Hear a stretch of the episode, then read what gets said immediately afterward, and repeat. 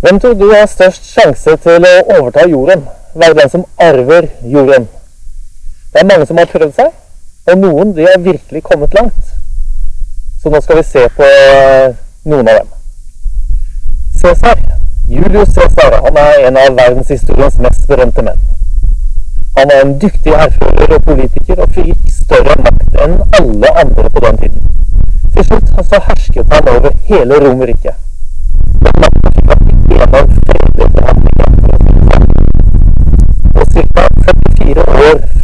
Jesus ble født, så ble han brutalt myrdet. Mot slutten av år 630 etter Kristus så ledet Muhammed et felttog i retning mot Syria og pekte ut veien for de erobringene hans etterfølgere skulle gjøre. Halvannet år etter så døde han som arabernes militære leder og hersket over den arabiske halvøy. Etterfølgerne tok snart Egypt, Palestina, Syria og Nord-Afrika. Etter blodige kamper på 640-tallet erobret de muslimske armeene Perserriket. Midtøsten den var forandret for bestandig. Napoleon Bonaparte, Frankrikes keiser på begynnelsen av 1800-tallet, er en av tidenes mektigste og mest omstridte herskere. Han er blitt omtalt som en av verdenshistoriens største strateger og statsmenn, men også som tyrann, egoist og løgner. Napoleon regnes blant historiens største feltherrer. Få, om noen, har utkjempet flere slag enn ham, og han lyktes nesten i å samle Europa til ett rike. Hitler er kjent som berfyrer av den nasjonalsosialistiske, nasjonalsosialistiske tyske arbeiderparti, nazismens og mannen som ledet verden inn i den andre verdenskrig. Han startet et industrielt folkemord på jøder, sigøynere, homofile og funksjonshemmede. Omtrent seks millioner jøder ble drept som følge av denne. Maos mål det var å omskape Kina til en økonomisk og militær. Kulturrevolusjonen, som begynte på 1960-tallet, og varte et drøyt tiår. Samfunnet skulle forandres fra bunnen av ved å renskes for religioner, minoriteter, akademikere og andre suspekte folk. Totalt kan Maos samfunnseksperiment ha krevd så mange som 70 millioner menneskeliv. Så hva mener du kjennetegner disse mektige mennene som ønsket å arve jorden? Var det ydmykhet, sannhet og mildhet, kanskje? Eller ikke? Jesus han har noe han skulle ha sagt om dette. Han har fortalt hvem som kommer til å arve jorden. Og det gjorde han i bergprekenen. Salige er de ydmyke, for de skal arve jorden, sier han. Det er altså ikke de som er stolte i seg selv, som skal arve jorden. De som tar til våpen og bruker skitne politiske knep. Eller de som gjerne går i tog for å fremme sin livsstil under fanen stolthet. Det er de som gjør det motsatte. De som ydmyker seg under Herren, selv om det er vanskelig. Og selv om det koster både ambisjoner og egenvilje. For Gud står de stolte imot, men de ydmyke gir ham nåde. Og la oss se nærmere på det ordet Jesus sier om de ydmyke. Denne versjonen av ordet, som her blir oversatt med 'ydmyk', er veldig spesiell. Dette greske ordet er bare brukt tre ganger i hele Nytestamentet. Det er ordet 'praos'. Andre lignende ord som beskriver det å være ydmyk, brukes mange ganger ellers, men ikke her. Så hva er egentlig praos? Det aller første stedet vi møter dette ordet, er altså her i begynnelsen av bergprekenen. Salige er de praos, for de skal arve jorden. Så møter vi det igjen seks kapitler senere. Matteus 11. Og Jesus sier, ta mitt åk på dere og lær av meg. Jeg er praos og ydmyk av hjerte. Så skal dere finne hvile. Til slutt så møter hos apostelen Peter, han som Jesus sa han ville bygge sin kirke på. Og Peter sier, la ikke ytre stas, som frisyrer, gullkjeder og fine klær, være det som pryder dere, men hjertet, det skjulte mennesket med sin praus og grolige ånd, som er uforgjengelig og dyrebar for Gud. Originalt så ble ordet praos brukt av grekere om krigshester. Da ville avlyde øyeblikkelig, uansett situasjon. Hesten er sterk, dyktig og lydig, så blir han kalt praos. Da var han klar for kamp. Dette var ikke ukjent for Israels ryttersoldater heller. Det står i Salma 45. Din seier i din herlighet. Ri ut til strid for sannhet, mildhet og rett. Vi ser altså at å være paraos knyttes til sannhet, mildhet og rett.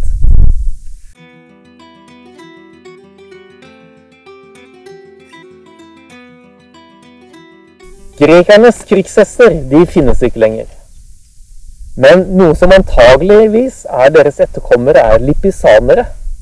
De har gått fra å være krigshest til å opptre for publikum med de utroligste kunstner. For at en krigshest skal bli kalt praos, må den trene i mange år. Den må lære seg lydighet, tillit og mot. Den trenger også å trene styrke en slik hest oppleves ikke som underdanig og kuet.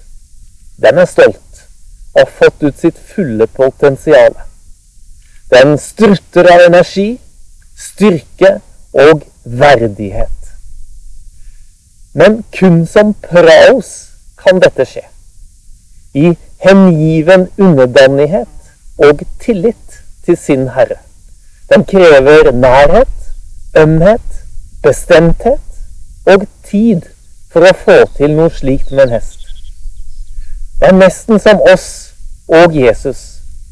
For at vi skal våge å overgi oss helt og stole mer og mer på ham enn våre egne følelser og det som tilsynelatende kan virke som fornuftige tanker.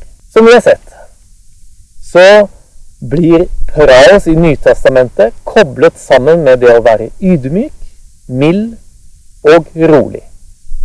Jesus kaller seg selv for praos. I Gamletestamentet så er det kun én som blir kalt ydmyk, selv om det står mye om å være, være ydmyk og det å ydmyke seg. Den som blir kalt ydmyk, er selveste Moses. Men Moses var en svært ydmyk mann mer ydmyk enn noe annet menneske på jorden, står det i fjerde Mosebok. Å være som Moses og å være som Jesus, det er å være praos. Men hvordan var livet til Moses, han som var så ydmyk? Han vokste opp som prins hos farao. Han ble en morder. Og så fikk han den største åpenbaringen av Gud noensinne gjennom den brennende busken. I tillegg så ledet han Israel ut av et 300 år langt slaveri. Han var en sterk leder. Eller Jesus, som påstår å være Guds sønn. Han som jager en gammel og verdig salgskultur ut av tempelets forgård med pisk. Og som var stadig i konfrontasjon med de religiøse lederne. Kan disse to virkelig ha vært praos? Både Moses og Jesus de lærte lydighet den harde veien. Enda han var sønn, lærte han lydighet ved å lide, står det i Hebreerbrevet. Slik som lipisanerne trener å underordne seg sin herre, gjorde Moses og Jesus det samme overfor Gud. De var lydhøre, og de adlød. Og Jesus han sier det faktisk så tydelig. Sønnen, altså Jesus, kan ikke gjøre noe av seg selv, men bare det han ser sin far gjøre. Det far gjør, det gjør også sønnen. For far elsker sønnen og viser ham alt det han selv gjør.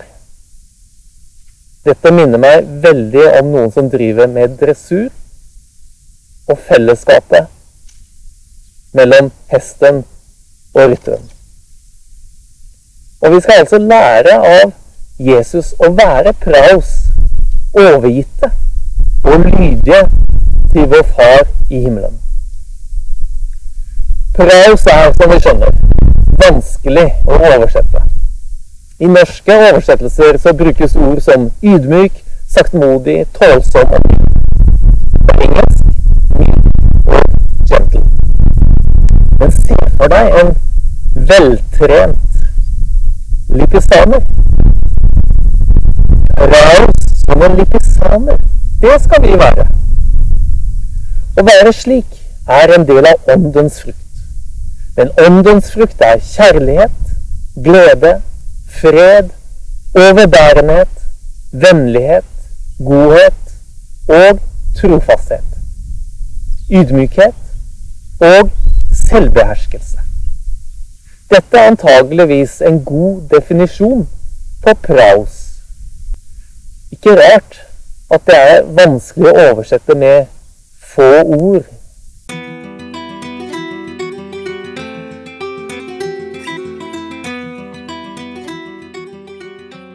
Kjenner du noen i overført betydning lipisanere? Slike som er praus? Jeg kjenner flere av dem i menigheten. Og hvis du ser rundt deg neste gang du er i kirken, forstår du hva jeg mener. Det er ikke perfekte mennesker, men slike som er overgitt til Jesus, sin Herre, og som stoler på ham, lik lipisaneren stoler på og adlyder sin Herre i ydmyk Disse som er praos, de skal altså arve jorden. Dette er en helt annen holdning enn det vi ser på TV og opplever i storpolitikken. Der er det de som skryter av seg selv. De som er sin egen herre og presser seg fram, ofte på bekostning av andre, som ser ut til å vinne verden. Men Guds rike og dets innbyggere er altså annerledes. Jesus sier i Matteus 16 om noen vil følge etter meg, må han fornekte seg selv og ta sitt kors opp og følge meg. For den som vil berge sitt liv, skal miste det. Men den som mister sitt liv for min skyld, skal finne det. Hva vil det gagne et menneske om det vinner hele verden, men taper sin sjel? Er det en motsetning mellom det Jesus sier i saligprisningen om å arve jorden, og her ti kapitler senere, hvor det å vinne verden knyttes til å tape sin sjel? Har Jesus ombestemt seg? La oss se hva folket på Jesu tid forventet i forhold til det å arve jorden. I Gamle testamentet så var de virkelig fattige de som ikke hadde eget jordområde. Disse var forsvarsløse, de var avhengige av andre. De hadde ingen rettigheter.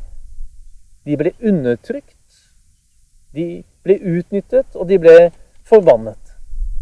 Men Gud, han er en Gud for de hjelpeløse, de uten rettigheter. Salme 149 sier, For Herren gleder seg over sitt folk. Han smykker de hjelpeløse med frelse. Da Jesus holdt sin preken på berget, da var Israel okkupert av Romerriket.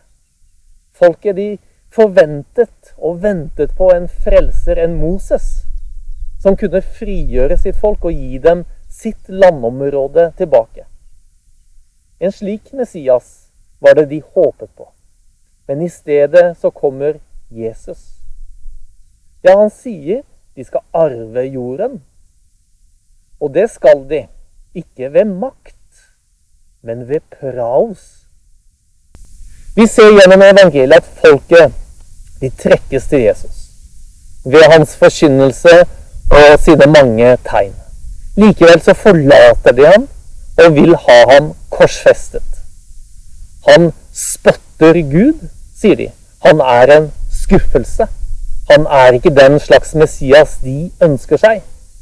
En sterk politisk eller militær frelser som løser dem fra romermakten og gir dem landet tilbake.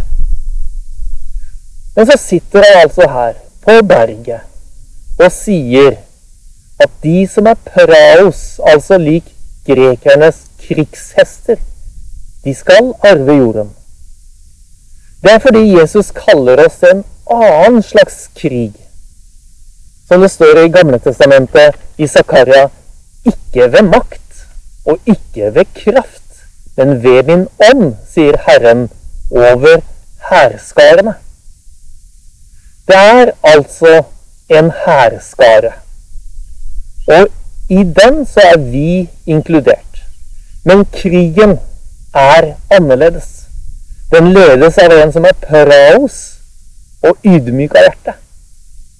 Og om jorden de skal arve, sier apostelen Peter, men etter hans løfte venter vi på en ny himmel og en ny jord, hvor rettferdighet bor.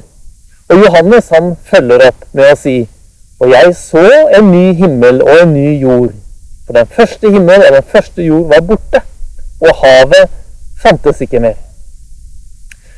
Begge disse skriftstedene bruker det samme ordet som Jesus bruker i saligprisningen for jord. Vi skal altså arve en ny jord, hvor rettferdighet bor. Derfor skal vi ikke trenge oss fram med makt og kraft men vi skal overgi oss til vår Herre, slik lipisaneren overgir seg til sin Herre. Og i enhet med ham lever vi våre liv i kamp og i seier, med tillit til at vi en dag skal arve jorden. Selv om det i dag koster oss mye å være ydmyke. Praus som en lipisaner. Til slutt en oppfordring til oss lipisanere fra Peter. Ha samme sinn, vis medfølelse og søskenkjærlighet, hjertelag og ydmykhet. Gjengjeld ikke ondt med ondt, eller hån med hån. Nei, velsign heller. For dere er kalt til å arve velsignelse. Vi skal arve velsignelsen. Og vi skal arve jorden. Dette er et håp som gir oss styrke og oppmuntring mens vi lever våre liv som praos, de ydmyke.